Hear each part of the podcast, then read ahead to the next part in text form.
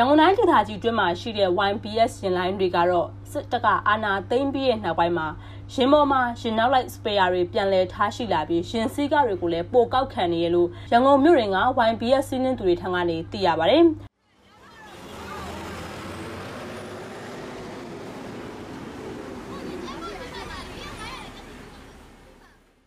အရင်ကရှင်စည်းကောက်ကို200ကျပ်သတ်မှတ်ထားတဲ့ရှင်တိုင်းတွေမှာရှင်နောက်လိုက်တွေကပါရှိလာပြီး300ကျပ်900ကျပ်ကနေ1000ကျပ်ထိတိုးမြင့်ကောက်ခံတာတွေရှိရလို့သိရပါတယ်။ဒါတွေကိုတော့စစ်ကောင်စီကအစ်စ်ပြောင်းလဲဖွဲ့စည်းလိုက်တဲ့ရန်ကုန်တိုင်းဒေသကြီးမျိုးပြတဲ့ယူပို့ဆောင်ရေးကြီးကြပ်မှုကော်မတီ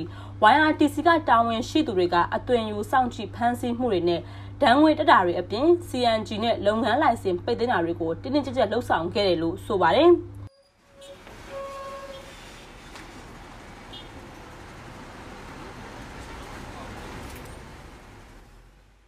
ရန်ကုန်တိုင်းဒေသကြီးဝန်ကြီးချုပ်ဟောင်းဦးဖြိုးမင်းသိန်းဦးဆောင်ဖွဲ့စည်းခဲ့တဲ့ရန်ကုန်တိုင်းဒေသကြီးတည်ယူပို့ဆောင်ရေးကြီးကြပ်ကွက်ကဲမှုအာဏာပိုင်အဖွဲ့ YRTA လက်ထက်မှာတော့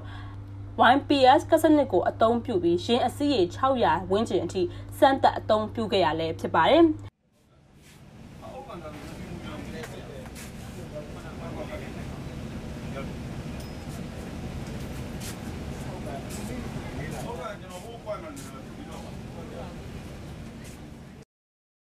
YPS ဟာအစပိုင်းမှာအားနည်းချက်တွေနဲ့ဝေဖန်မှုတွေရှိခဲ့ပေမဲ့လည်းနောက်ပိုင်းမှာတော့ YPS ကစနစ်ကိုတုံ့ပြန်ရတဲ့အထိအဆင့်မြင့်တင်နိုင်ခဲ့တာဖြစ်ပြီး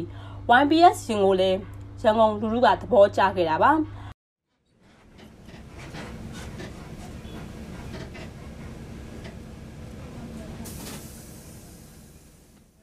လက်ရှိမှာတော့ရန်ကုန်မြို့ရင်းမှာရှင်လိုင်းပေါင်း63လိုင်းနဲ့ရှင်အစည်းအရေအတွက်2400နဲ့2600ဝန်းကျင်မှာပြည့်စွဲနေရဖြစ်ပြီးနေ့စဉ်စီးနှင်းလိုက်ပါသူက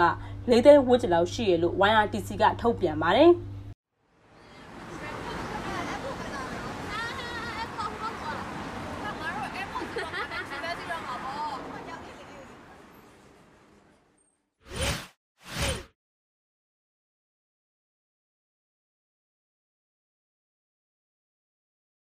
မြန်မာနိုင်ငံမှာတရုတ်နိုင်ငံထုတ်ကိုဗစ်ကာကွယ်ဆေးကိုကာကွယ်ဆေးအရေးအဖြစ်ထုတ်ပိုးပြီးပူးပေါင်းထုတ်လုပ်ဖို့မြန်မာဘက်ကတာဝန်ရှိသူတွေနဲ့ဆွေးနွေးညှိနှိုင်းနေရလို့မြန်မာနိုင်ငံဆိုင်ရာတရုတ်နိုင်ငံတန်အမတ်ကြီးမစ္စတာချန်ဟိုင်းကအော်တိုဘာလ23ရက်နေ့မှာပြောဆိုခဲ့ရလို့တရုတ်တန်ယုံကထုတ်ပြန်ပါတယ်။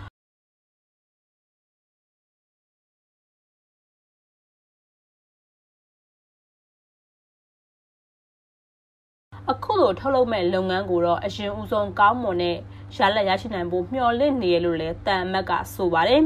မြန်မာနိုင်ငံကိုတရုတ်နိုင်ငံကကိုဗစ်ကာကွယ်ဆေးအလုံးရေ22တန်းလွှဲပြောင်းပေးအပ်ခဲ့ပြီးအဲ့ဒီတဲက9.6တန်းကိုလှူဒန်းခဲ့ရဖြစ်တယ်လို့လည်းတရုတ်တန်ရုံးရဲ့ထုတ်ပြန်ချက်အရသိရပါတယ်။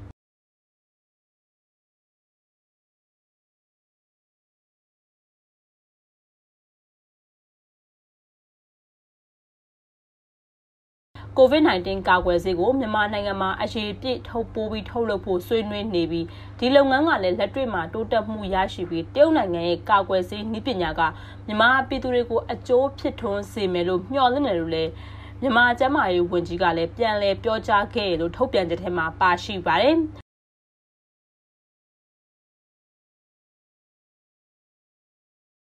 အောက်တိုဘာလ23ရက်နေ့နဲ့14ရက်နေ့တွေမှာတရုတ်နိုင်ငံကပေးပို့လှူဒါန်းတဲ့ Sinovac 2တန်းကထပ်မံရောက်ရှိလာပြီးမြန်မာစစ်ကောင်စီဘက်ကတော့အသက်12နှစ်နဲ့အထက်ကျောင်းသားကျောင်းသူတွေကိုတရုတ်ကာကွယ်ဆေးတွေထိုးပေးမှာဖြစ်တယ်လို့စစ်ကောင်စီရဲ့ကျန်းမာရေးဌာနကထုတ်ပြန်ထားတာဖြစ်ပါတယ်။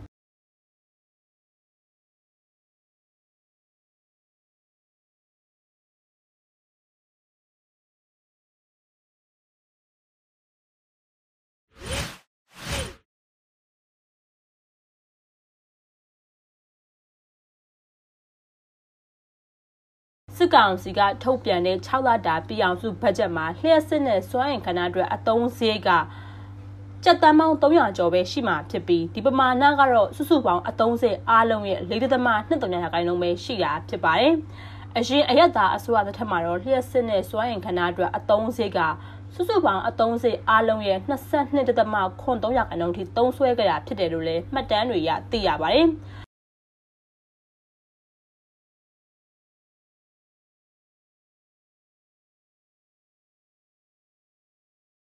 အခုလိုစစ်ကောင်စီဘက်ကလျှက်စစ်နဲ့စွမ်းရင်ခဏမှာရှော့ချသုံးဆွဲတဲ့အပေါ်အရင်ကလိုအမှောင်ခစ်ကိုပြောင်းမှာကိုပြည်သူတွေကြားမှာစိုးရိမ်မှုတွေကရှိလာနေတာဖြစ်ပါတယ်။မြန်မာနိုင်ငံမှာကလျှက်စစ်တအားထုတ်လုပ်နိုင်မှုပမာဏကမဂါဝက်4000ဝန်းကျင်ပဲရှိတာဖြစ်ပြီးဒီပမာဏတွေကမှအစိုးရဘိုင်းကထုတ်လုပ်နိုင်မှုက40ရာခိုင်နှုန်းကျော်ပါဝင်ပြီးကြန့်ရှိတဲ့90ရာခိုင်နှုန်းကတော့ပုဂ္ဂလိကကဏ္ဍကနေရရှိတာဖြစ်ပါတယ်။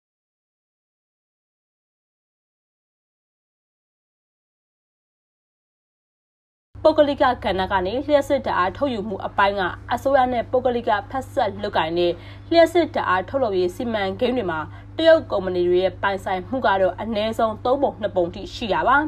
အမျိုးသားဒီမိုကရေစီအဖွဲ့ချုပ် NLD အစိုးရလက်ထက်မှာတော့2016ကနေ2020ခုနှစ်၄နှစ်အတွင်းမှာလျှက်စစ်တအားထုတ်လုပ်နိုင်မှုကအရင်အစိုးရလက်ထက်တွေထက်20ရာခိုင်နှုန်းထိတိုးမြင့်ထုတ်လုပ်နိုင်ခဲ့တာဖြစ်ပြီး တနိုင်ငံလုံးရဲ့လူဦးရေရဲ့54ရာခိုင်နှုန်းကလျှက်စစ်တာအသုံးပြုနေရပြီဖြစ်တယ်လို့လည်းလျှက်စစ်နဲ့စွမ်းအင်ဝန်ကြီးဌာနကထုတ်ပြန်ထားခဲ့တာပါ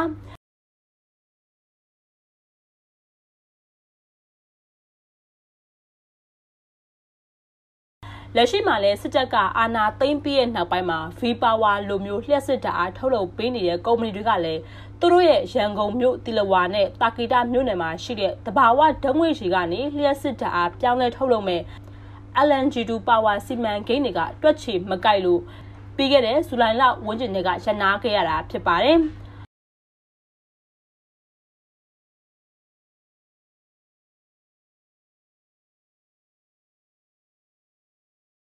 ဒါအပြင်လျှက်စစ်နဲ့စွမ်းအင်ဝန်ကြီးဌာနရဲ့အမျိုးသားလျှက်စစ်မဟာဗျူဟာအစီအစဉ် National Electricity Master Plan အရတော့2020-2021ဘဏ္ဍာနှစ်မှာမဂါဝက်8000ကျော်2025-2026ဘဏ္ဍာနှစ်မှာမဂါဝက်1385ကျော်2030မှာတနိုင်ငံလုံးမီလီယံဖို့အတွက်မဂါဝက်23,594ထိတိုးမြင့်ထုတ်လုပ်ဖို့အတွက်မျှော်မှန်းခဲ့ပေမဲ့လည်းစစ်တပ်ကအာဏာသိမ်းပြီးတဲ့နောက်ပိုင်းမှာဒါတွေကအကောင့်ထဲဖွင့်နိုင်တာမရှိတော့တာလည်းဖြစ်ပါတယ်။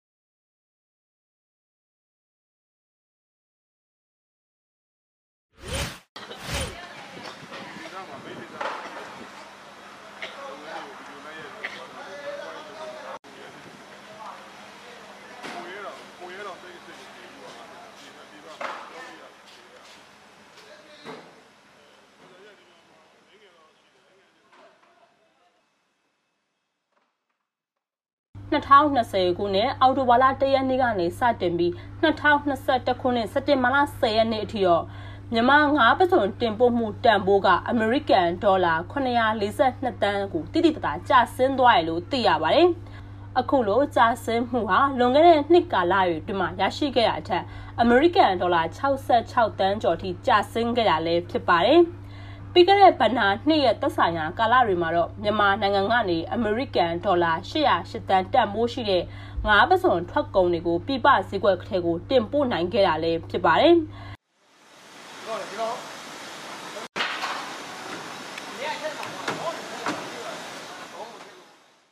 မြန်မာနိုင်ငံငါးလုံငန်းအဖွဲ့ချုပ်ကတော့ရေချောင်းကုန်သွယ်မှုတွေမှာ COVID-19 အနှောက်အယှက်တွေဖြစ်ပေါ်တာကုန်တွင်းနယ်စပ်တွေပိတ်တာ လောင်စာစီဈေးနှုန်းမတင်ညာတွေဖြစ်ပေါ်နေတဲ့ကာလတွေမှာတော့ငါးပစုံတင်ပို့မှုတွေကိုတိုးတက်အောင်ဆောင်ရွက်ခဲ့ရတယ်လို့ဆိုပါတယ်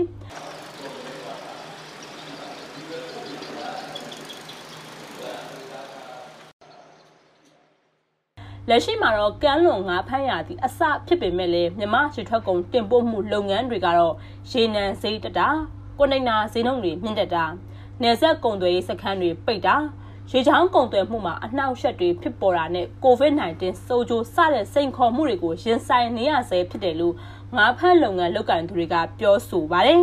။တနင်္သာရီတိုင်း AR တိုင်းဒေသကြီးနဲ့ရခိုင်ပြည်နယ်တို့ကနေငါးပစုံငရှင်းနဲ့ကနန်းတွေကိုအဓိကအနေနဲ့နိုင်ငံခြားဈေးကွက်ထဲကိုတင်ပို့ရောင်းချနေရဖြစ်ပြီးမြမရှိထွက်ကုန်တင်ပို့မှုရဲ့65ရာခိုင်နှုန်းကိုတော့တရုတ်ဈေးကွက်ထဲကိုတင်ပို့နေရလဲဖြစ်ပါတယ်။